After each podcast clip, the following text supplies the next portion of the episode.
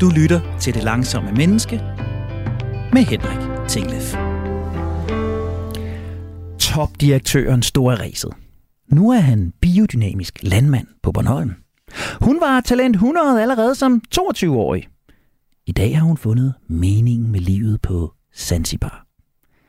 Jeg har set bunker af overskrifter som de her. Gerne på bagsiden af Berlingske Business eller i børsen Pleasure. Og jeg bliver altså lidt irriteret hver gang. Misforstå mig ikke. Jeg under både den tidligere direktør og toptalentet, at de har fundet ro, mening og livsindhold. Det fortjener alle mennesker. Men det irriterer mig, at det vi formidler, det vi vægter, det skal være så ekstremt. Vi kan altså ikke alle sammen dyrke mikrolandbrug. Vi kan ikke leve af småjobs i troberne, og vi kan heller ikke alle sammen blive soloselvstændige, der leverer konsulentydelser i det omfang, vi nu synes er sjovt. Langsomlighed og balance må ikke blive en modvægt til det almindelige liv. Det skal være en del af det almindelige liv, en del af vores fælles samfund, en del af de helt almindelige jobs. Og derfor, der blev jeg så glad, da jeg hørte om Jens Aage. Det startede ellers helt som det plejer. Mine øjne fangede en overskrift. Jens Aage sagde sit job op i Mærsk og blev. Og her var min hjerne allerede begyndt at digte. Mindfulness-instruktør, vinbonde, mikrobrygger, hjemmegående, og derfor så stussede jeg en ekstra gang, da jeg så, hvad der rent faktisk stod. SFO, leder. Fra et corporate højstatusjob til et offentligt mindre prestigefuldt job. Men et rigtigt job. En virkelig samfundsfunktion. En af de allervigtigste endda. Og så stadig leder. Redaktionen blev sat på sagen, og i dag, der skal du møde Jens Åge. Det skal nok gå hen og blive godt. Det skal i hvert fald nok blive langsomt. Jeg hedder Henrik Tinglef. Stationen her hedder Radio 4, og du lytter lige nu til Det Langsomme Menneske. Vi er som altid programmet, der søger at sænke tempoet og øge kvaliteten i din og min hverdag. Dagens emne er den anden karriere, den anden vej, den anden måde at arbejde på. Det gode alternativ, det givende alternativ, det meningsfulde alternativ til arbejdslivet i overhalingsbanen. Sammen med dagens gæst, der forsøger jeg at kaste lys over, hvornår skal vi finde en anden vej for arbejdslivet? Og kan den være tættere på udgangspunktet end Zanzibar? Hvad er egentlig det vigtige når man sådan går på arbejde? Og hvordan undgår man, at man bare skifter ud til et andet hamsterhjul? Se, til at hjælpe mig med svarene på de spørgsmål, og sikkert mange flere, der har jeg lige nu med i studiet Jens Åge Skare Nielsen. Velkommen til, Jens Åge. Tak skal du have. Du er efter en længere erhvervskarriere hos Mærsk i dag uddannet folkeskolelærer. Du arbejder som SFO-leder i Dragør Kommune – så er du, jeg vil gætte på, over to meter høj og tidligere landsholdsspiller i rugby. Du er i dag både klubejer i Dragør og formand for Dansk Rugby Union. Du er far til fire drenge, og så er du gift med fremtidsforsker Anne Skare Nielsen. Det er en fornøjelse, at du øh, vil være med i øh, studiet øh, i dag, og jeg tænker, at det eneste rigtige sted at starte, det er vel det, der hedder, hvad var det for et liv, du levede det der mærskliv. Hvad er det, du kommer fra? Jamen, jeg havde øh, en øh, god, øh, lang karriere på 22 år i Mærsk, og det var super spændende. Jeg startede som ganske ung mand efter at have været i militæret, øh, og startede som helt ung med elevuddannelsen i Mærsk. Øh, og efter at have gennemført den, øh, tog jeg den der sædvanlige, øh, øh, som det jo er, turnus med et par år i udlandet, og det endte med at blive til 6-7 år i udlandet, øh, inden jeg så returnerede til, til hovedkontoret i København men en, en, øh, et spændende job, hvor jeg så cirka hver anden, tredje år øh, tog videre til et nyt job, øh, ofte ved lederjob øh, forskellige, i forskellige dele af virksomheden. Og, øh, og det endte så med, ja, det endte med at blive sidste anden 22 år i en øh, ganske spændende virksomhed, og en tid, som jeg absolut ikke har fortrudt. Jeg har lært super mange gode ting i Mærsk, øh, men, øh, men alt har jo en ende. Og jeg tænker, det var næppe et øh, 8-16 job eller 9-17 job, du havde i de år.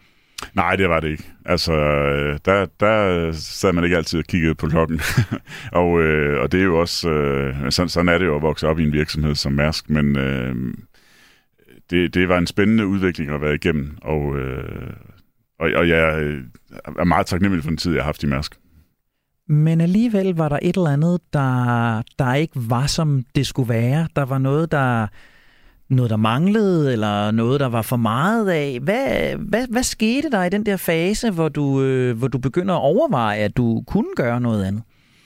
Ja, jeg tror faktisk, altså det hører med til historien, at hvis du havde spurgt mig måske for 15 år siden, så havde jeg måske sagt noget helt andet end det, jeg siger i dag, fordi der tror jeg, at min virkelighed var en anden. Altså jeg var, jeg var lige startet, øh, eller godt i gang med familielivet, havde fået de første par børn, men, men øh, pludselig i 2009, hvor min hustru ventede vores fjerde barn, øh, der, der tror jeg, det var der tankerne startede lidt om, okay, er det måske den her måde, man skal leve sit liv på med ja, 100 plus rejsedage om året og en uh, travl hverdag, øh, eller er der andre ting, man skal sådan... Og det var ikke, fordi jeg ikke havde fokuseret på familielivet, fordi jeg har altid været meget bevidst om, at jeg rigtig gerne ville have mange børn, og, og det var det, var, der ligesom var kernen eller skulle være kernen i mit liv, var jo ligesom, at man havde den her gode familie, som øh, man prøvede at prioritere at give det fokus, der havde, men det, bagsiden er det jo også, når man arbejder i en stor virksomhed, så var det nogle gange svært øh, ligesom at helt, leve måske helt op til det, man sådan havde sat som forventning til sig selv og sin familie.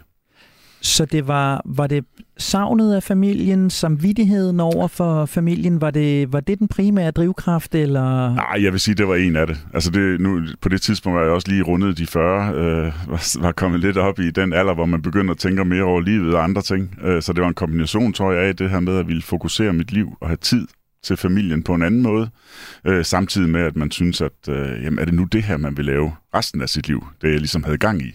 Eller skulle man måske have andre værdier ind i sit liv, end lige præcis det? Ja. Jeg læste, da, da jeg læste om dig øh, første gang, at, at du og din hustru havde nogle overvejelser omkring det her med, hvordan får vi det til at fungere? Øh, hvordan får vi hverdagen til at fungere? Hvordan får vi hverdagen til at hænge sammen? Og, og det kan jeg jo skrive under på. Det er en overvejelse, jeg har gjort mig mange gange i, i mit liv. Hvordan får vi det til at fungere? Du har nogle overvejelser omkring, er, er det det, der er meningen med livet, at få, mm. det, få det til at fungere? Prøv at dele lidt med mig og lytterne. Hvad, hvad var det, den her samtale om at få det til at fungere startede i jer? Ja, men nu er vi begge to sådan rimelig struktureret, så vi sad jo der hver weekend og sådan planlagde den næste uge, der kommer for, hvordan er det nu, hvem er det, der afleverer de dage, og hvem er det, der henter, og når ja, du skal ud og rejse, og det skulle du jo også, så er vi nødt til at have bedsteforældrene i spil. Altså sådan var vores liv jo også, så vi var jo dybt afhængige af, at vi begge to havde vores øh, forældre, da vi havde små børn, som øh, hvis vi kaldte dem med to dages varsel, så kom de jo til til Drage og sprang, øh, sprang over og passede børn, eller modsat, vi øh, kørte dem til Jylland, og så fløj vi ud af Hamburg i stedet for. Så sådan var vores liv jo. Vi sad jo nærmest okay. hver weekend og ligesom planlagde den følgende uge eller to. Øh, og det var vi jo, så det var en nødvendighed. Anne havde startet sit eget firma op på det tidspunkt, der havde travlt med at bygge det op, og, og jeg havde, havde som sagt min ofte med rejseaktivitet indimellem. Så det var, det var et spørgsmål om at få planlagt dagen godt. Og, og jeg var også, det er jo sjovt, at nu jeg sidder i, i dag i den her rolle som SFO-leder, eller leder i det, det, det offentlige. Jeg var jo tit en af de forældre, der indimellem øh, kom, du ved, i sidste øjeblik, og måtte ringe til SFO'en i forvejen. Så giver ham bare jakken på, jeg er der om øh, fem minutter. Ja. Øh, det, det tror jeg, vi alle sammen kender. Den situation har vi jo været i. Nu, nu står jeg så på den anden side, og jeg, siger, jeg vil sige, jeg smiler til de forældre, der kommer løbende, fordi jeg ligesom selv har været i den her situation. Men jeg kan fuldt ud sætte mig ind i, hvordan det har været. Så vi prøver på, i min SFO at hjælpe dem bedst muligt, vil jeg sige. Ja, ja, ja, ja. De travle forældre. Men det lyder også, som om der ligger en, en, en opfattelse af, det bare at få livet til at fungere er, er ikke nok. Altså, for jeg Nej, tænker, det er, jo en, ja. det er jo en situation, som jeg har ved Gud side, da jeg sidder mm. der ved Gud stadigvæk ind imellem. Jeg tænker, det er en situation, mange af vores lyttere kender. Det der med, målet bliver at få det til at fungere. Ja. I vil noget mere, I vil noget andet. Hvad, hvad, hvad gav det der klarsyn der? Altså, for jeg tænker, det er del med en stor beslutning at træffe. Ja, jeg tror, øh, nu er jeg jo gift med det privilegie, at jeg gift med en ret kvik dame, øh, som er god til at holde mig op på ting, øh, og hun, jeg tror, hun også udfordrer det, at vi skal ikke bare have det til at fungere. Sådan har jeg også selv haft det. Vi vil gerne have mere end bare at få det til at fungere. Og det håber jeg da også, vi kan give vores børn. Altså, jeg håber, vores børn kigger tilbage på, at de har, har faktisk haft begge deres forældre sådan rimelig til rådighed. Øh, jeg, jeg kan huske, min hustru sagde engang øh, til vores drenge det der med, at øh, for jeg tog, da jeg var i Mærstiden, tog jeg rigtig ofte tidligt på job, for jeg tænkte, nu tager jeg afsted kl. 6 om morgenen, tager ind og sidder på jobbet, kan få lavet noget, inden mine medarbejdere kommer ind, og så kan jeg faktisk, sådan følte jeg dengang, så kan jeg tillade mig at tage fra kontoret, du ved, kl. 4, og så nå at hente mine drenge. Øh. Så det, det, det var ligesom sådan, det, det, var, det var min ambition for at komme afsted. Øh, hvor hun en dag siger til, kan du ikke lige, du ved, kan du ikke lige gå... Øh, gå øh, sige noget til far. Altså, altså, drengene havde simpelthen den forståelse af, at far han ligger der stadigvæk og sover op i, øh, de troede far lå og sov, men far var taget tidligt på arbejde, og det er jo også forkert, at ens børn skal vokse op og tænke, at, øh, at øh, de ser faktisk ikke far om morgenen, men det er faktisk, fordi han har taget tidligt afsted. Det synes jeg var lidt træls. Så, så den har vi ændret lidt, og nu øh, prøver vi at have nogle bedre morgener, samtidig med vi faktisk når at se hinanden lidt sidst på dagen. Og det var det, som øh, vi synes kunne fungere for os. Samtidig med, at min hustru så i forbindelse med mit hele mit karrierevalg her jo selvfølgelig har haft øh, mulighed for at så give den lidt mere gas. Det var hende, der sådan ligesom i mange år holdt tilbage, fordi det var mig, der gjorde karriere. Nu har vi, så synes vi nok, det var, vi, vi havde vel en forståelse om, at det var måske rimeligt nok, at det nu var hende, der kunne give den lidt gas. Og det kunne jeg jo godt tænke mig at være lidt efter dig på, sådan til sidst i programmet. Men, men, men, men jeg, kunne, jeg kunne godt tænke mig at blive ved med at være lidt nysgerrig her, fordi jeg tænker, rigtig mange af os øh, øh, kender det der. Altså, det gør vi. Og jeg, der, jeg er sikker på, at der sidder en masse mennesker derude, som kunne have lyst til at træffe sådan et valg. Men jeg tænker, noget af det, som også i sin tid holdt mig fra det, øh, øh, det var prestigetabet, øh, øh, ideen om en karriere, der stopper. Øh, jeg har også siddet i en gazellevirksomhed, og jeg har også haft en kæmpe stor bil holdende ude i, i carporten. Og jeg kan huske, da jeg var inde og aflevere min, min store BMW og lægge nøglerne på disken og aflevere min leasingbil tilbage, fordi nu havde jeg ikke længere det her job. Det var sådan et, ah, det var et skridt ned af, af stigen, ikke? Hvordan var det for dig at, at æde det der prestigetab, lønnedgang, træden ud af måske visse netværk, eller i hvert fald omgang mm. med mennesker i andre øh, såkaldt høje positioner. Hvordan var den der oplevelse af at forlade det liv? Ja, men det har du ret i. Det, jeg tror også, det var det, der gjorde, at det tog måske nogle år længere, end øh, det endte med at gøre. Faktisk netop det der med, at man, man var kommet op på et niveau, niveau, hvor man sad og tjente en god løn, øh, og man havde sådan rimelig styr på den del af det. Så, så der tænker jeg, at det, det var det, der gjorde, at jeg måske brugte 4-5 år længere, end jeg egentlig øh, var overvejelserne måske havde ramt os lidt, om man skulle lave noget andet på et tidspunkt. Så, øh, så jeg har været det samme igennem. Jeg tror bare, jeg er en person, der ikke rigtig hænger mig så meget i det der med, at øh, jeg skulle have den der direktørtitel hængende på mit navn. Øh, altså, jeg, tænker faktisk, jeg har lidt været der i et rigtig godt job, og lidt bevis, at jeg kan det. Jeg tror, min hustru udfordrer mig på, at min, min større, store udfordring er, at lige meget hvad jeg sådan rigtig giver mig i kast med, så, så er jeg faktisk ret god til det, og det er lidt min last i livet. Øh, så jeg har altid troet, jeg kunne lave et eller andet og gøre det godt inden for det. Øh, så, så jeg har aldrig været bekymret for, at... Øh, træde over i en helt anden rolle. Men ja, du har helt ret i det med firmabilen. Øh, det, var, det var træls at skulle aflevere den tilbage, da jeg stoppede i Mærsk. Men, øh, men prøv at høre, jeg gik ud øh, ugen efter og købte mig min første, faktisk egne bil, tror jeg. Jeg har altid haft den der firmabil i min tid ja. i Mærsk. Ja. Købte, købte min egen rigtige bil, og det var der også, en vis, det var der også noget fedt i at købe og købe den der Mercedes minibus, som jeg så i øvrigt stadigvæk kører i øh, ni år senere. Det er så en anden del af historien. Du har aldrig haft en bil så længe i Mærsk. Nej, jeg har aldrig haft en bil så længe, ja. Så det, det er så den virkelighed, man tager ud. Men, men det hjalp lidt at gå ud og købe øh, og bruge nogle af mine surt opsparede penge på at faktisk købe en rigtig fed bil ja. til mig selv. Ja. Ja. Og så er det, vi er jo i den der sjove øh, situation, og det er, jo, det, er jo, det er jo virkelig derfor, du står der, at, at på den ene side har du truffet et stort valg. På den ene side træffer du et, et stort valg om at skifte karriere. På den anden side, så træffer du et, et forholdsvis mindre valg, fordi du blev ikke vinbonde, du blev ikke mikrobrygger. Øh, du gik over i et andet lederjob. Mm. Øh, øh, Hvorfor? Hvorfor, hvorfor denne øh, forholdsvis øh, lille justering på den ene side, men samtidig stor justering? Hvad var det, der gjorde, at du endte, hvor du endte? Altså gå fra et lederjob til et andet? Ja, sådan, ja jeg tror, det er det, jeg er sådan lidt af... Øh, jeg, jeg, vil ikke, jeg vil ikke sige skabt til, men jeg tror, jeg er sådan rimelig god øh, i den rolle som øh, leder. Det er i hvert fald det, øh, jeg synes, jeg trives med. Og jeg har svært ved at øh, gå ind i noget, uden at have sådan rimelig mulighed for at hjælpe med at påvirke tingene. Øh, og det er vel derfor, jeg bliver drevet ind i ledelse. Måske også hurtigere, end jeg egentlig havde regnet med, da jeg tog mit karriereskifte. For oprindeligt var planen faktisk, at jeg ville tage læreruddannelsen, og så ligesom øh, tage nogle år og skabe mig nogle god erfaring som lærer, og så senere var den langsigtede plan, så ville jeg gå over i ledelse. Og det kom bare af forskellige om, tilfældigheder og omstændigheder til at gå lidt hurtigere, end jeg nok havde planlagt, at jeg tilbage, endte tilbage på ledelsesvejen. Men, men jeg synes, at det er, altså, ledelse er jo ikke nødvendigvis det samme i den sektor, jeg kom fra, og det er gået over i her, så der, det er jo forskellige ting. Jeg tænker faktisk, at jeg tænker faktisk nogle gange tilbage, at den ledelse, jeg sidder i nu, i det system, jeg sidder i, det, er faktisk mere udfordrende end måske det, jeg kom fra. Så de nemme penge, jeg har tjent i mit liv, dem har jeg tjent for, for mange år siden, synes jeg. Øh, der er mange andre omstændigheder, der gør sig gældende i den lederrolle, jeg har i dag, som jeg synes er faktisk øh, på mange måder mere udfordrende end, øh, end det måske var. Hvad så kan man så sige? Beløbene og tallene er nogle andre end dem, jeg havde med at gøre tidligere. Men, men udfordringen, den er der stadig. Men jeg tror, ledelse er det, jeg trives med i min hverdag faktisk. Så hvorfor ikke bare en mini-justering i det system, du, du var i, hvis det er ledelse, du trives i, hvis det er ledelse, du drives af, hvis en folkeskolelæreruddannelse lynhurtigt blev til lederjob i skoleverdenen, jamen hvorfor så ikke et, et, et mindre skifte inden for Mærsk eller inden for corporate life i det hele taget? Hvorfor skulle du, hvorfor skulle du ud?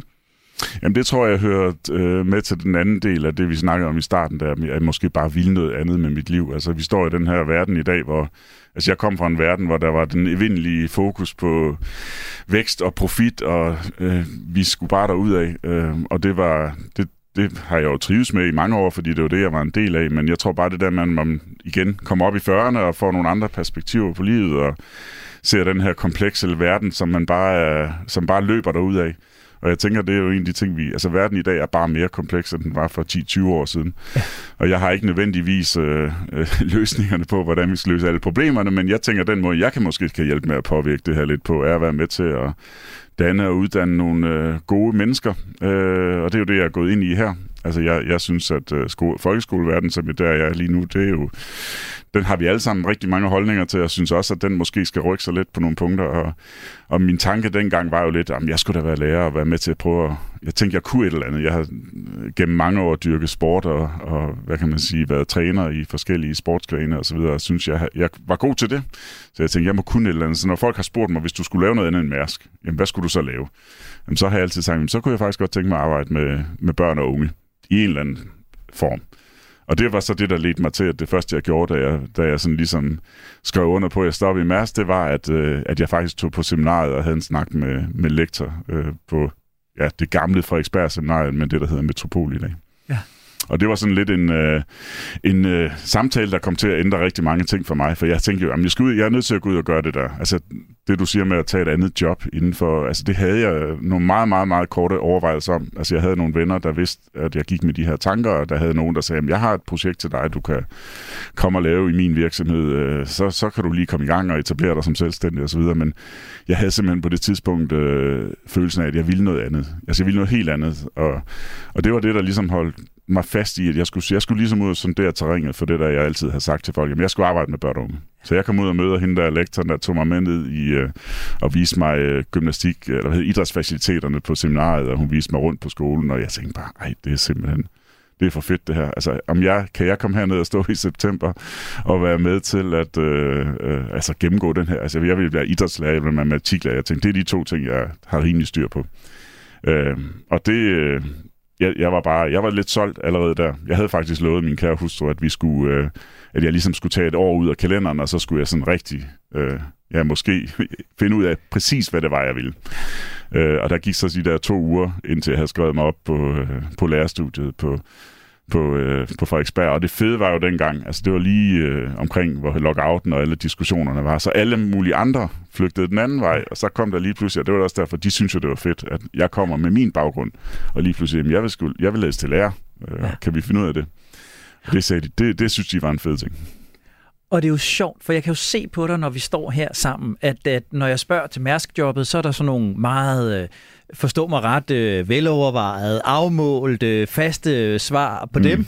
Og lige nu er der glød i øjnene på dig, og der er stort smil i skægget, og armene kører, når du fortæller. Er det, er det, er det, er det menings, meningssøgen? Altså er det jagten efter en højere grad af meningsfuldhed, der har drevet dig derover, hvor du er nu? Altså den passion, du fortæller med øh, lige nu, skinner jo langt ud af dig. Har du fået et mere meningsfuldt arbejdsliv, end du synes, du havde tidligere? Ja, det synes jeg helt klart. Altså, det, det kan virke mærkeligt, og det, det virker det også på mine venner, der stadigvæk måske, vil jeg jo sige, nogle gange hænger fast i den anden verden. Altså, ja, jeg synes virkelig, men jeg tror heller ikke, det skifte, jeg har lavet, er for alle, og det kan være, at du kommer tilbage til det, men jeg tror, for mig, der passer det rigtig godt. Øh, jeg, jeg, øh, altså, jeg havde det super tid i Mærsk, og jeg vil ikke være den tid for uden, for jeg synes, jeg har lært rigtig mange ting, som jeg tager med mig videre i mit daglige liv omkring, hvordan man, ja, både i forhold til ledelse, men også værdier og alt muligt andet som jeg selvfølgelig ikke vil være for uden, men for mig, der, der tror jeg, jeg har fundet den hylde, jeg skal være på øh, resten af min karriere, jeg skal være på arbejdslivet. Det er at arbejde med børn og unge og være med til ligesom at præge den, den næste generation. Og, og, og grunden til, at jeg står og smiler, øh, når jeg fortæller om den der tid, den der besøg på, på seminariet dengang, det var jo også bare, fordi jeg synes, det var så fedt. Altså at stå derude, og jeg tænkte bare, at jeg kan huske den første oplevelse på min aller, aller første øh, idrætstime, jeg havde faktisk med den samme person, som viste mig rundt derude. Altså, jeg synes, det var så fedt. Jeg stod der i min små, øh, sikkert alt for små, vil min hustru sige, shorts og min t-shirt, øh, sammen med de der, den der gruppe på 25 øh, studerende, som alle sammen kunne være, faktisk kunne være mine børn. Altså, jeg tror, vi var 3-4 meritstuderende på det hold, men resten, det var jo nogen, som kom nærmest direkte fra gymnasiet, og jeg synes, det var så fedt at stå der, og vi skulle lave øh, opvarmning for hinanden, og vi skulle spille nogle forskellige spil og sådan noget. Det, jeg synes, det var mega fedt at tænke tilbage på. Altså, der stod jeg der et halvt år tidligere havde jeg siddet i jakkesæt øh, et eller andet sted og lavet forhandlinger eller noget andet. Ja. Øh, og det, det synes jeg var fedt, man, kunne, man faktisk kunne tillade sig at tage sådan en beslutning i min alder. Øh, og springe fuldstændig fra det, jeg kom fra, altså over i noget, som var så meget anderledes. Øh, ja. Og jeg står og tænker sådan, for at smide en lille smule øh, malurt i bæret her op mod nyhederne, så tænker jeg, jeg kan jo, jeg kan jo mærke din passion øh, gennem hovedtelefoner, skærme og, og mikrofoner her. Så der er ingen tvivl om, du har fundet mening, men har du også fået den mere tid? Har du også fået den øh, mere overskud, øh, den mere nærhed med familien, som du gerne vil have? For jeg tænker, der står en skolemand foran mig her, som også kan glemme tiden, som også kan synes, det er enormt vigtigt lige at tage til et ekstra forældremøde og få sat nogle ting i gang. Og inden vi gik på her, fortalte du mig, at du var mødt ind og havde åbnet SFO'en her til morgen. Altså, har det også givet dig den tid og den nærvær med familien, som var, var en af formålene med skiftet? Altså, det er jeg jo nødt til at sige ja til, jeg ikke det? Øh, jeg vil sige det sådan, at øh, jeg tror, at nogen vil udfordre mig på det med tiden. Jeg tror også, at mine egne medarbejdere vil gerne til sidde. Altså, jeg får at vide, jeg har medarbejdere nu, der siger til mig, Jens, du skal, øh, sender du ikke beskeder lidt for sent nogle gange, eller øh, burde du ikke egentlig gå hjem i det? Du startede klokken 6 i morges, og der tror jeg bare, at jeg er en type, der nok altid vil være sådan lidt en, der bare ligger lidt tid, men, men jeg vil sige, at jeg prioriterer min tid anderledes, så jeg har jo ikke alt det rejse, som jeg havde tidligere, så, så det gør i hvert fald, at jeg er til stede hver eneste dag ved familien. Altså, jeg bor jo også halvanden kilometer fra den skole, jeg arbejder på.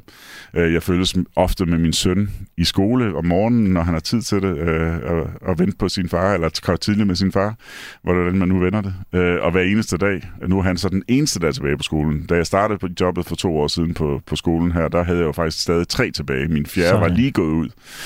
Så det hører også med til historien, at vores yngste stadigvæk er på skolen, og han kommer forbi hver eneste dag og siger farvel til sin far, når han går hjem øh, og råber ud af døren, jeg elsker dig, far. Øh, så det er, der jo, det er der jo også en værdi i sig selv.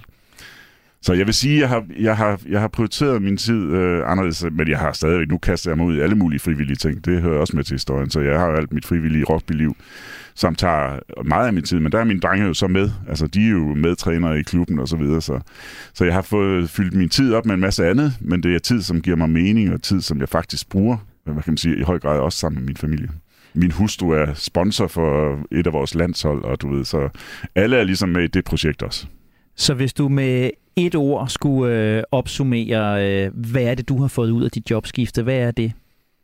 Jamen, det er, at, øh, at jeg har fået den her tid, jeg har ønsket til min familie, plus jeg har lavet noget, jeg brænder for. Altså, det, jeg synes, det er sjovt, og jeg synes, det er fedt at være med til at øh, prøve at ændre noget for den kommende generation her.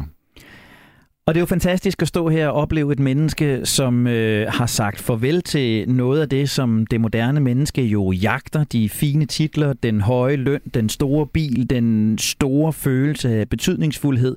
Og i virkeligheden jagtet noget, som er langt mere nært, som er langt mere meningsfuldt, og som i højere grad handler om at påvirke mennesker, uddanne mennesker, måske også mennesker til et liv, der er i højere grad af balance, i højere grad af trivsel, og som i den grad er meningsfuld for dem.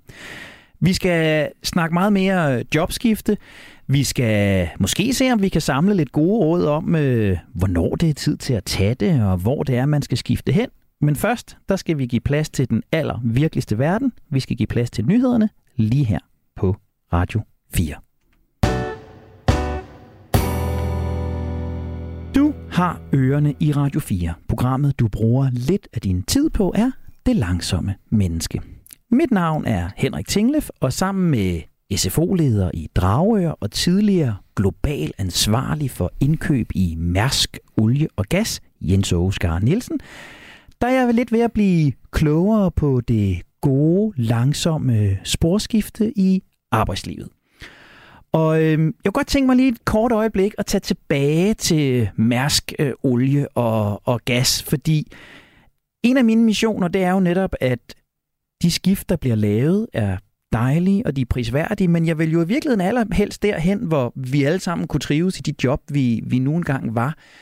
Når du nu kigger tilbage på corporate world i, i bredeste forstand, derfra hvad du er nu, hvad er det så, der mangler ude i de store glashuse på øh, strandpromenaderne rundt omkring? Hvad kunne vi blive bedre til, for at det kunne blive mere meningsfuldt og mere langtidsholdbart at være der? Jeg tror faktisk, der er sket rigtig meget faktisk i de 10 år, jeg også har været væk fra det. Fordi jeg tror, øh, det jeg havde brug for dengang var en meget højere grad af fleksibilitet. Måske også en anden... Øh, jeg tror faktisk, jeg havde en hel del fleksibilitet i det job. Øh, men et er jo, hvad man er vokset op med, og selv synes, man kan tillade sig noget andet, er, hvad der faktisk bliver givet. Og der tror jeg, at virksomhederne og lederne rundt omkring i dag er faktisk blevet meget bedre til at indse, at det er det, man skal for at holde på medarbejdere fremadrettet. Og jeg tænker næsten, det er en nødvendighed i forhold til den kommende generation, at man ser helt anderledes på det her arbejdsmarked, hvordan man indretter det. Øh, så jeg tror, mange virksomheder er i gang med det. Så det, jeg manglede dengang, var, var bare den her øh, fleksibilitet. Øh, jeg tror ikke, jeg 100% i det job, jeg havde der, kunne have givet, kunne få det, og det var det også derfor, jeg valgte at tage den. Altså, jeg, kunne, jeg, jeg var ikke interesseret i det der rejseri længere, som fyldte en stor del af min hverdag, og det er nødvendigt i nogle af de her jobs, når man sidder på et vist niveau. Så det, det tror jeg bare, at øh, for mig, der var det ligesom et afsluttet kapitel. Det, det havde jeg simpelthen ikke lyst til at bruge alt for meget af min tid på længere. Så dit bedste råd til dine gamle ledere derude, enten dem, der var dine ledere i sin tid, eller dem, der sidder derude og leder i dag, det er højere grad af fleksibilitet til, til de unge mennesker, der er der i dag. Er der andre konkrete råd, vi skal give videre til, til dem, der styrer tropperne på Esplanaden og andre steder? Oh, jeg tror bare, at man generelt skal være gode, øh, altså øh, gode, øh, altså, som leder skal man være øh, altså leder på en god måde, hvis man kan sige det sådan. Altså det var også, jeg, jeg havde nået en alder der i starten af 40'erne, hvor jeg, hvor jeg måske var træt af dårlig ledelse. Øh, og jeg havde haft rigtig, rigtig mange gode ledere i Mærsk, men jeg har også mødt enkelte øh, dårlige ledere, synes jeg. Øh, men meget få heldigvis. Altså Mærsk er et fantastisk sted, hvad det angår. Øh, men, men, og det tror jeg er sådan generelt i samfundet, at man skal simpelthen øh, være bedre til at rumme sine medarbejdere. Altså igen, kompleksiteten, som jeg sagde tidligere, stiger for alle mennesker. Jeg tænker selv, den verden, jeg er i i dag, er blevet meget mere kompleks for mine medarbejdere. Øh, så jeg tror også, jeg skal rumme meget mere i skoleledelse i dag, end man måske skulle for 10-15 år siden. Øh, og det tror jeg er en, en trend, som man er nødt til at acceptere, at sådan er verden blevet. Øhm, ja, så god ledelse, det, det skal man prioritere. Man skal få prioritere ligesom at arbejde med den gode ledelse, og det ved jeg også, at altså i Mærsk er, et, et, som jeg sagde tidligere, et fantastisk sted, hvad det angår. Øh, der er super mange dygtige ledere, øh, men de har også ændret sig meget over de sidste 10 år. Ja. ja. Øh. Og så tænker jeg, nu har du jo været, du har været i begge verdener, du har været på, på begge sider, og jeg tænker, skolelærer, skoleledere, SFO-ledere er jo i den grad også en, en udsat post. Altså, det er jo også et af de områder, hvor vi også hører om stærk mistrivsel, både blandt elever og blandt undervisere mm. og, og andre professionelle på, på feltet.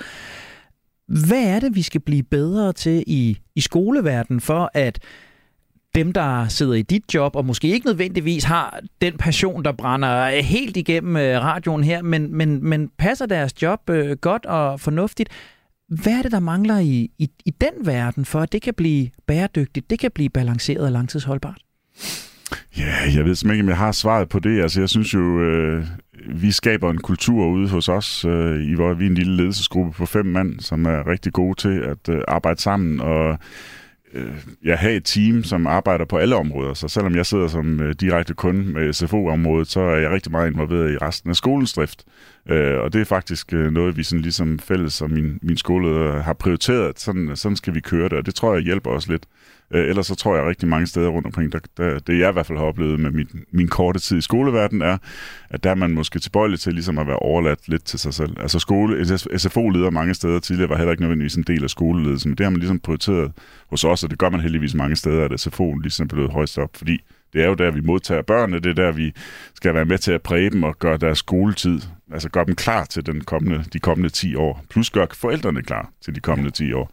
Det er jo en rigtig vigtig pointe, synes jeg, at, øh, at forældrene er jo en høj grad en samarbejdspartner for os i skoleledelsen i forhold til at skabe det skole, den gode skole, det gode øh, liv omkring klassen. Øh, det er en nødvendighed, at vi sammen med vores andre voksne på skolen, lærerne og pædagogerne, faktisk har et super godt samarbejde med forældrene. Og det tænker jeg, det er det, hvis jeg skulle komme med en appel, det, det er en ting, der kan være med til at gøre skoleledelseslivet nemmere, det er, at man faktisk har det her gode samarbejde med, med alle forældrene. Øh, og den kommer jo tifold tilbage, vil jeg sige til forældrene, fordi øh, jo bedre kan vi jo få deres børn gennem systemet, hvis man kan sige det sådan. Så den der cyklistprøve, jeg i går aftes til forældremødet blev opfordret til at stille op til at være kontrollant på et hjørne, det bør, det bør jeg takke ja til. Ja, det er en lille ting, tænker jeg, men ja, det, det så vil jeg, det hjælper os i høj grad også, ja. ja. Og jeg tænker, øh, jeg, jeg står og bliver nysgerrig på, fordi du, du er et engageret øh, menneske i den grad, du øh, har gjort dig nogle erfaringer på, på begge sider sådan af, af jakkesættet, havde jeg nær sagt. I det her program har vi jo talt rigtig meget voksne. Vi har talt rigtig meget, hvad er det, vi skal gøre anderledes? Hvad er det, lederne skal gøre anderledes? Hvad er det, vi som medarbejdere skal gøre anderledes? Hvordan kan vi styre os selv? Du har muligheden for at påvirke en helt grøn generation. Du har muligheden for at påvirke dem, der skal ud og sidde i, i de jobs, som øh, du har og har haft om 30-40 år. Hvad er det vigtigste, vi får lært vores børn, hvis de skal blive gode langsomme, vil vi kalde det her i programmet, men mm. balancerede mennesker. Hvis vi skal bryde den mistrivsel, der er blandt unge mennesker i dag, hvis vi skal bryde de stressstatistikker, som vi ser flere og flere af, hvad er det vigtigste, vi giver vores børn med i, i de her øh, første skoleår? Ja, nu skal jeg jo selvfølgelig passe på, at jeg ikke får hele undervisningssektoren på, marken, på nakken, men vi skal jo jeg i hvert fald... jeg tager slængen for slag, dig. Ja, nu spørger du så direkte. Nej, vi skal jo selvfølgelig stadigvæk lære børn at, at læse og skrive. Det er jo ligesom et fundament for det, alt det, vi gør, men vi, det, vi arbejder rigtig meget med, det er jo det her med at skabe øh, livsduelige børn, der kan fungere i alle mulige fællesskaber. Altså, verden ændrer sig. Vi kommer ingen steder i verden alene længere ved at bare være gode til lige præcis vores eget lille egoistiske område. Så, så det vi også gør meget ud af at lære børnene, øh, både i SFO-regi, men i høj grad i vores skole, det er jo det her med, at de skal kunne fungere i alle mulige forskellige slags fællesskaber. Det er det, de kommer til at blive mødt med alle steder. Øh, vi har jo et foreningsliv i Danmark, hvor vi har prøvet at gøre det rigtig meget og har fokus på det her med, at man skulle arbejde sammen i teams, men, men det kommer til at fungere alle mulige steder. Det er bare, bare sådan en vigtig bestanddel. Og så skal vi lære børn det her med, at øh, altså, så længe man, selvfølgelig, vi vil gerne lære dem at læse og skrive, men de skal bare også have den her følelse af, at de er gode til noget. Øh, følelsen af at dygtiggøre sig inden for et eller andet felt. Hvad det, jeg vil næsten sige lige meget, hvad det nu end kunne være. Øh, børn skal lære at, øh, at at blive gode til noget, fordi det kan give dem så meget øh, i livet, og, og give dem en følelse af at kunne mestre et eller andet. Øhm, og så skal vi lære dem det her med at øh, være vedholdende. Jeg tror, vedholdenhed er måske noget, der også kendetegner mig, det her med at blive ved. Altså, hvis du har et eller andet mål, du vil, hvis du har noget, du gerne vil opnå, jamen, så bliv ved med at have den her gå på mod til os, ligesom at, at sørge for at gå efter det. Øhm, og så samtidig, jeg tænker, det er noget, nu taler jeg jo en del med min kære hustru om det her, hvad det, hvad det er, vi skal øh, uddanne vores børn til i fremtiden. Hvad er det, der møder dem om 20 år? Øh, og det hun altid øh, øh, udfordrer mig på, det er det her med, at vi skal faktisk også lære børnene at blive gode til at aflære. Altså en ting er, at vi lærer børnene en hel masse gode egenskaber, men de kommer til at formentlig ændre karriere mange gange i deres liv. Øh, hvor vi måske gør det i vores generation en-to gange, så kommer de måske til at gøre det hver tredje, fjerde, femte år. Så de skal også det der med at kunne øh, faktisk aflære mange af deres gode egenskaber og acceptere, at nu skal man begive sig over i et nyt felt, eller indstille sig på, at verden ser anderledes ud lige præcis inden for det område. Ja, ja. Så, så den mere komplekse verden, de skal ud og leve i, kræver også en større, nu kalder vi det forandringsparathed eller omstillingsparathed, ja. men, men aflæring er jo også et, et godt ord for det, en højere grad af tilpasning til ja. det samfund, som, som, som er så stærkt omskifteligt. Ja. Måske så de ekstreme karriereskift bliver, bliver mindre nødvendige i fremtiden, fordi vi i højere grad navigerer i det, vi er i. Ja. Det tror jeg helt klart på. Og den der, jeg, jeg tænker faktisk også tilbage til det her med, jeg tror, det bliver noget andet for den kommende generation. Altså, jeg har jo taget et øh, ret bevidst valg om, at jeg, jeg altså, jeg er ikke fokuseret så meget på det her med at være min egen vinding og min, den, den løn, jeg sagde nej til, dengang jeg ligesom gik væk fra den verden. Altså, det er jo nok ikke nogen hemmelighed for de fleste, at man, man tjener noget mindre som øh, skole, som ledelse i, inden for ledelse i det offentlige, end, øh, end man gjorde i, i det private erhvervsliv. Men det har jeg ligesom sagt, at det er ikke det, der skulle drive, hvad jeg skulle bruge min tid på. Øh, og det tror jeg faktisk kommer helt naturligt med den næste generation, for jeg tror, de vil prioritere anderledes. Selvfølgelig vil folk gerne have det, der skal til for at kunne leve et godt øh, liv, hvordan man så end definerer det. Men jeg tror, mange vil, vil ikke nødvendigvis gå efter den der, øh, at guldråden det nødvendigvis er den høje løn. Øh, det så vil jeg i hvert fald prøve at opdrage mine egne børn til, at der er mange andre ting, der skal være vigtige her i livet. Øh, blandt andet det her med, hvad kan man være for andre, og hvad kan man gøre for at sikre, at den verden, vi lever i i dag, også er der om 200 år. Ja, og du, du står her jo i virkeligheden som en repræsentant, måske i virkeligheden 20 år forud for din tid, fordi vi, da vi lavede vores fremtidsprogram for, for et par uger siden, der talte vi jo med Thomas Gøjken, som, som også er fremtidsforsker, som jo netop havde de her pointer med, at den unge generation i højere grad vil søge hvad er meningen for mig? Hvad, hvad er det, der er meningsfuldt i mit arbejdsliv? Hvad får jeg ud af at, at være her? Da vi lyttede til alderdommen i det forrige program, hvor det jo virkelig noget af det, som, som, som Lene Sletved, som vi talte med som pensionist i dag, sagde, det vil hun råde os mm. til at være bedre til, end, end man havde været i hendes tid, og lytte mere til sig selv, forfølge sine egne lyster, mærke i højere grad efter. Så du i virkeligheden øh, er du en repræsentant, der er 20 mm. år forud for din tid? Ja, det er muligt. Det ved, det ved jeg simpelthen ikke. Øh, jeg tror faktisk, at øh, ja, min hustru, øh, som er fremtidsforsker, vil nok sige, at... Øh, at det skifte, jeg har taget, kommer til at ske rigtig meget øh, i de kommende år for rigtig mange mennesker, fordi man begynder at indse nogle ting, som man måske ikke så, øh, så verden på den anden måde for 20 år siden. Ja. Så det kan du måske godt have ret i. Jeg har i hvert fald bekræftet mange af de ting, hun har gået og fortalt folk. Det har ligesom bekræftet i, at jeg har taget det her skifte, jeg har. Det er en god lille forretningsmodel, I har. Det er, ja, ja, præcis. Men den passer meget godt til vores liv. Og du kan mærke, at jeg, jeg krabber mig lidt tilbage til dit skifte igen, fordi jeg tænker, der er, nogle, der er nogle ting omkring det, som, som jeg synes, det er, er, er interessant at, at kigge på. Punkt et, jeg tænker, du taler så passioneret om, om skoleledelse, børn, frivillig idræt. Øh, øh, det er ikke noget, der er nyt for dig. Det er noget, der har været der hele tiden. Alligevel tog det dig 20 år at lave skiftet. Hvorfor skulle det tage så længe? Var det alderen, der skulle til? Var det trætheden, der skulle til? Var det rammerne med børnene, der skulle til? Hvad var det, der gjorde, at det, det skifte var så længe undervejs? Ja, det er et rigtig godt spørgsmål. Uh, jeg tror, jeg tror det, for mig var det nok, at jeg kom op i den alder, og jeg lige pludselig stod med ja, tre børn, tre drenge på det tidspunkt, og en hustru, der var gravid med vores fjerde barn, hvor de her overvejelser begyndte at, at spire. Og så tror jeg faktisk, det var meget konkret, det var en meget konkret hændelse på det tidspunkt, som gjorde, at min hustru og jeg kiggede på hinanden og sagde, okay, vi er simpelthen nødt til at ændre det her på et eller andet tidspunkt. Det var faktisk en gang, hvor jeg skulle uh, to uger til Kina, kan jeg huske, på en øh, forretningsrejse, og min og vi stod, og jeg havde lige pakket øh, tasken hjemme i... Øh, og så sætter, så sætter mine to drenge sig op i, øh, tasken og siger, nej, nu er vi de altså med far. Ja. Så sad de altså, det, jeg tror, det var for os, var det sådan lidt dråben, der var med til at sige, okay, vi er simpelthen nødt til at gøre et eller andet her. Der, der, de prøver at fortælle os et eller andet. og et, jeg ved et godt, svagt signal. et svagt signal, ja. Og jeg tror, jeg ved jo godt, at, at vi har alle sammen haft de her episoder, men, men det er jo ikke noget hemmelighed. Jeg tror, jeg har haft det på ryggraden. Det ligesom har spiret løbende, og så, så var det sådan nogle episoder, der skulle til for ligesom at sætte øh, hovedet på søm for mig og sige, okay, prøv at høre, det, jeg vil noget andet med det her liv nu. Øh, øh, og, det, og det er faktisk tiden til at gøre det. Øh. Hvis du kunne ændre det i dag, vil du så have truffet valget tidligere? Åh, oh, det er et rigtig godt spørgsmål.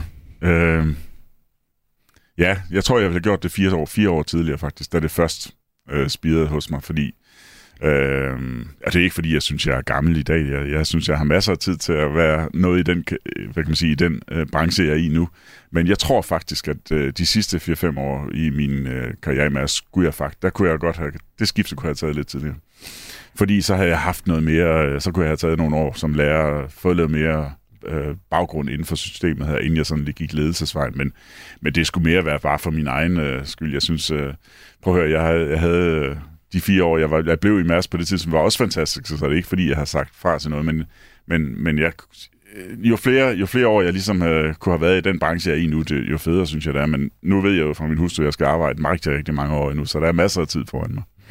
Tror du, det er, tror du, det er en tendens, og jeg ved godt, du kan jo ikke svare for andre, og det oplagte svar er, det er nok meget individuelt, men, men du kender jo øh, den verden, du var i, og du kender de mennesker, der sidder i de stillinger. Tror du, der, der er en masse undertrykt skifteløst derude, som, som bare får lov til at ligge for længe, og så måske i virkeligheden ender med at, at æbe ud? Ja, det tror jeg faktisk. Det tror jeg, der rammer du lidt øh, hovedet på sømmen, fordi jeg, jeg tror faktisk, at jeg var overrasket over, da jeg tog mit, øh, ligesom annoncerede mit skifte. Jeg meldte det ud på, som man jo gør på LinkedIn og andre steder, at nu øh, har jeg, forlader jeg Mærsk, og på det tidspunkt, tror jeg, da jeg meldte ud, skrev jeg ikke noget om, hvad præcis jeg skulle osv. Men jeg skrev i hvert fald, at jeg nok ville gå den og den vej.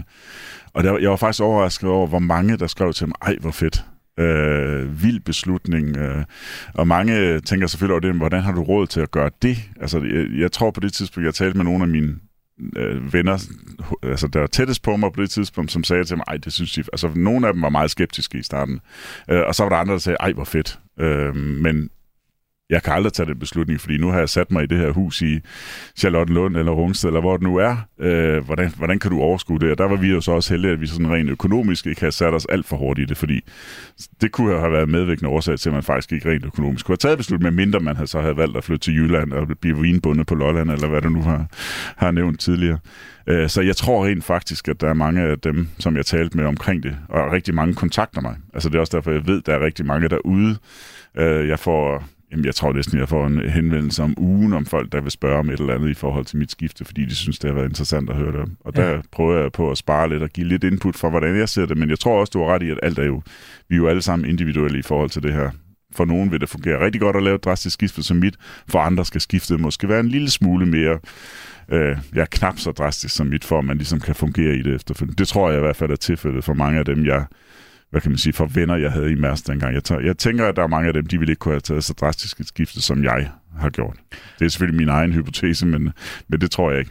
Og det er jo sjovt, for du taler ind i det, et af de råd, vi, vi fik fra alderdommen i, i, i sidste uge, hvor, hvor Lene jo var lidt efter os for, at vi satte os for dyrt for tidligt, at vi etablerede mm. dobbelt carport og, og 200 kvadratmeters huse og fire årlige rejser for tidligt i vores liv, så vi netop ikke havde pladsen, økonomien, rammerne til at, at kvitte de jobs, vi måske burde have, have forladt øh, langt tidligere. Så der er nogle praktiske rammer, som vi måske burde være bedre til, os der er lidt yngre i dag, at, at, at justere ind. Men alligevel er jeg jo nysgerrig på, og især når du nu siger, at der er mennesker, der henvender sig til dig, hvad ville dine råd så være til, til de lyttere, der sidder derude og, og er usikre på, er jeg det rigtige sted? Og usikkerheden måske er begyndt at, at væbe over mod, jeg er faktisk ikke det rigtige sted. Mm. Hvad er din råd til dem? Hvad er det for overvejelser, de skal gøre sig? Hvad er det for en proces, de skal gå ind i for at blive klogere på, om, om det er tid til et skifte?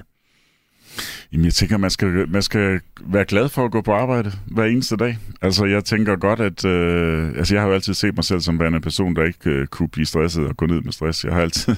sådan har jeg følt det. Men jeg tænker faktisk godt, at øh, måske har det i baghovedet også for mig liggende, at jeg skulle simpelthen ikke falde for det der. Øh, jeg kunne godt være en, der var måske endt med at blive stresset i stedet for. Eller sådan. Det ser vi jo rigtig, rigtig mange, der bliver næsten lige meget, hvad man laver i dag. Det behøver ikke at være, fordi man har et topjob, men det kan være, fordi du... Øh, så, så og det, så derfor den overvejelse, synes jeg, alle skal have. Det her med, altså brænder man egentlig for det, man... Ah, altså i dag, arbejdsløsheden er trods alt ikke så høj i dag, så man kan faktisk komme til at lave en masse andet, der er spændende. Øh, og jeg er jo et eksempel på, at man i hvert fald ikke, selvom man er oppe i alderen, øh, kan man godt skifte karriere, også ret drastisk. Så, så mit råd vil være, at man, man skal have den her følelse af, at det, det, man laver, det faktisk er noget, man brænder for, at man skal komme glad hjem øh, til sine børn. Kommer jeg glad hjem hver eneste dag i dag? Nej, det gør jeg ikke nødvendigvis. Selvfølgelig er der altid omstændigheder, der gør, at, at ens humør kan være påvirket, selvom man synes, det, man arbejder med, er fedt. Så sådan er det jo heller ikke. Jeg kommer ikke alle glad hjem hver eneste dag og smiler. Men, men jeg tror bare, det er vigtigt, at man har den der følelse af, at i hvert fald størstedelen af de dage, man går på arbejde, jamen der skal man faktisk synes, at det, her, at det er fedt at komme afsted og når man går derfra, faktisk føle, at man, ja, det har sgu været en god oplevelse. Man har haft, været sammen med nogle søde børn, Øh, altså, jeg øh, her til morgen, der hvor jeg lidt overraskende var den, der åbnede SFO'en, så kommer den første, og var rigtig glad for at se, at det var mig. Jeg er sikker på, at hun også havde været glad, hvis det havde været nogle andre børn. Øh, en anden af mine medarbejdere, der havde været der. Men det sjove var, at hun, over, hun, hun vidste ikke, at det var mig, der ville være der. Hun kom hen, og jeg fik et kram, fordi hun synes, det var rigtig fedt, at det var mig, der åbnede i dag. Det, ja, det er en lille ting, men det er da også fedt, at man på den måde bliver mødt. Øh, og det oplevede, det oplevede du ikke så tit i Mærske, dem du skulle have Ej, med, med kom løbende der krammende i møde? Nej, præcis. Jeg kom i gang til at skrive, øh, efter jeg havde haft en, øh, en vikarteam. Jeg, mens jeg læste lærer, arbejdede jeg jo som vikar faktisk også på den skole, hvor jeg nu er ansat i dag. Øh, og der havde jeg den her eksempel, jeg skrev ud om, at øh, virkelig fed oplevelse i dag, hvor jeg skulle ned i 7. klasse, og da de stod ude på gangen og ventede på, hvem var vikaren, og så så det jo mig, der kom, så kom de løbende mig i møde med åbne arme og sagde, yes, vi skal have en tog i dag. Og som jeg så kom til at skrive, det her, det har jeg godt nok aldrig oplevet på Esplanaden, når jeg kommet til et møde, at folk ligefrem stod og sagde, jublende, yes, vi skal have møde med en tog i dag. Og så var der faktisk en af mine gamle kolleger, der skrev til mig meget sødt, det passer i hvert fald ikke. Jeg har altid stået med åbne oh. Ja, det var meget pænt der. ja, men, og jeg, jeg, vi, vi nærmer os jo langsomt det, der altid sker i det her program. Øh, selvom langsomlighed er i centrum, så har tiden det med at, at løbe med os. Men, men jeg kunne godt tænke mig øh, herop mod øh, afslutningen, når jeg kigger på dit arbejdsliv i dag, jeg tænker, du har en lederrolle, du er engageret både i øh, SFO'en, du er engageret i skolen, du er engageret i den lokale rugbyklub, du er engageret i Rugbyforbundet, du har fire drenge, du har en hustru med en aktiv, udadvendt erhvervskarriere. Altså, jeg har jo lyst til at spørge dig, er du ikke bare hoppet fra et hamsterhjul på Esplanaden til et andet hamsterhjul på Dragør til en fjerdedel af lønnen? Jo, det med lønnen er i hvert fald rigtigt. Øh, om jeg hoppede hoppet lige fra et hamsterhjul til et andet, det ved jeg ikke, men jeg, jeg tænker faktisk, at... Øh, Altså, jeg, jeg har altid underoplevet det der med hamsterhjulet, fordi øh, hamsterhjulet er vel, hvad vi gør det til. Altså, jeg fylder mit øh, hamsterhjul. Det kan godt være, at jeg bruger rigtig meget af min øh, tid i døgnet på en masse ting. Øh, de fleste af dem, heldigvis nogen, jeg rigtig, brænder rigtig meget for. Øh, så så ja, jo, jeg har travlt, men jeg tror aldrig, jeg bliver en person, der kommer til at sætte mig hjem øh, på sofaen. Jeg tror, min hustru vil nogle gange ønske, at jeg satte mig hjem på sofaen og læste en bog en hel lørdag eftermiddag. Jeg tror aldrig, det er sket i mit liv. Måske jeg burde gøre det faktisk øh, og overraske hende en dag. Men jeg er en person, der bare fylder mit liv, og det tror jeg, jeg vil gøre, hvis jeg kommer en tredje karriere for mit vedkommende. Vil jeg nok også bare fylde mit liv. Sådan tror jeg, jeg er indrettet. Øh, men det, jeg tror, det er sådan, jeg har det godt. Øh, så, så det er sådan, jeg skal leve mit liv. Så det er ikke mindfulness retreats på Kreta og silent retreats i de svenske skove, der står på programmet for dig? Nej, men det kan godt være, at jeg skulle prøve det faktisk. Jeg tror godt, jeg kunne overtale til at prøve sådan en mindfulness retreat. Det lyder meget hyggeligt. Er der god juice? Jeg er helt sikker på, at der er rigtig, rigtig god juice de der steder. Jeg tænker, at vi, øh, vi skal prøve at koge øh, marketerningen her øh, til, til aller, aller sidst. Du siger, tegnene på, at det er tid til et jobskifte, tegnene på, at det måske endda er tid til et karriereskifte, det er, er jeg glad, når jeg går på arbejde? Er jeg glad, når jeg kommer hjem fra arbejde? Du har haft den der vision, den der drøm, den der følelse af, at det var børn, jeg skulle ud til. Hvad med dem, der sidder derude lige nu og tænker, jeg er inspireret af det, Jens Aage fortæller. Jeg er ikke glad for det arbejde, jeg har. Jeg er sjældent glad, når jeg kommer hjem fra arbejde. Hvordan bliver de mennesker klogere på, om de skal skifte, og hvad de skal skifte til. Hvis du sådan skal koge marketerningen, hvad er så rådet til, til lytterne derude? Jamen, de skal selvfølgelig følge mig. Altså, det er jo et faktum, at vi har rigtig mange, vi har brug for mange folk, der brænder for øh, den her skoleverden, både som lærer og pædagog fremover. Så jeg synes jo, det ville være fedt, hvis flere af de valgte at komme i den her retning, og det er et meget berigende liv. Så hvis jeg kan reklamere en lille smule for mit eget fag, så synes jeg jo helt klart, at de skal gå, øh, de skal følge mig. Det er givende, og det er fantastisk at være med til at danne og uddanne den kommende generation. Og som øh, søn af en skolelærer og en skoleleder, så kan jeg jo kun klappe mine små hænder og sige, at øh, vi har brug for stærke, passionerede kræfter i den danske folkeskole. Som min kære far altid sagde, det er der, man skal træde varsomt, for der bliver mennesker til. Præcis. Jens Åge Skare Nielsen, SFO-leder i Dragør, tidligere global ansvarlig for indkøb. Det kunne jeg godt tænke mig at være, du lyder lidt sejt. I øh, Mærsk Olie og Gas Tusind tak, fordi du øh, tog os med ind i dine overvejelser. Tusind tak, fordi du øh, tog os med på øh, dit jobskifte. og beskrev lidt både om dit øh, tidligere og dit nuværende job. Det var en fornøjelse. Og så er jeg altså endnu en gang blevet klogere på det langsomme liv. Jeg er endnu en gang blevet klogere på, hvad jeg kan overveje. Og jeg kan fortælle jer, lyttere, jeg er altid glad, når jeg skal på radioen, og jeg er faktisk altid glad, når jeg går hjem fra radioen. Så kære venner, jeg bliver hængende lidt endnu. Jeg bliver hverken biodynamisk landmand eller vinbonde på Bornholm. Og det øh, blev dermed ordene for i dag. Der er ikke flere. Hverken dem, der handler om gamle eller nye jobs. Hverken ord, der er hurtige, eller ord, der er langsomme. Husk, at du altid kan genlytte Det Langsomme Menneske i Radio 4-appen. Det er også der, du finder alle Radio 4's andre gode programmer. Har du øh, input eller kommentarer til programmet i dag, eller vinkler på langsomlighed, som vi skal kigge nærmere på, så er du altid velkommen til at skrive direkte til redaktionen på langsom radio4.dk. Du skal have et oprigtigt tusind tak for, at du endnu en gang har investeret både din tid og din opmærksomhed i os. Jeg hedder Henrik Tinglef, og jeg har lovet dig, og jeg beholder jobbet her. Så øh, jeg fortsætter processen med at blive det langsomme menneske.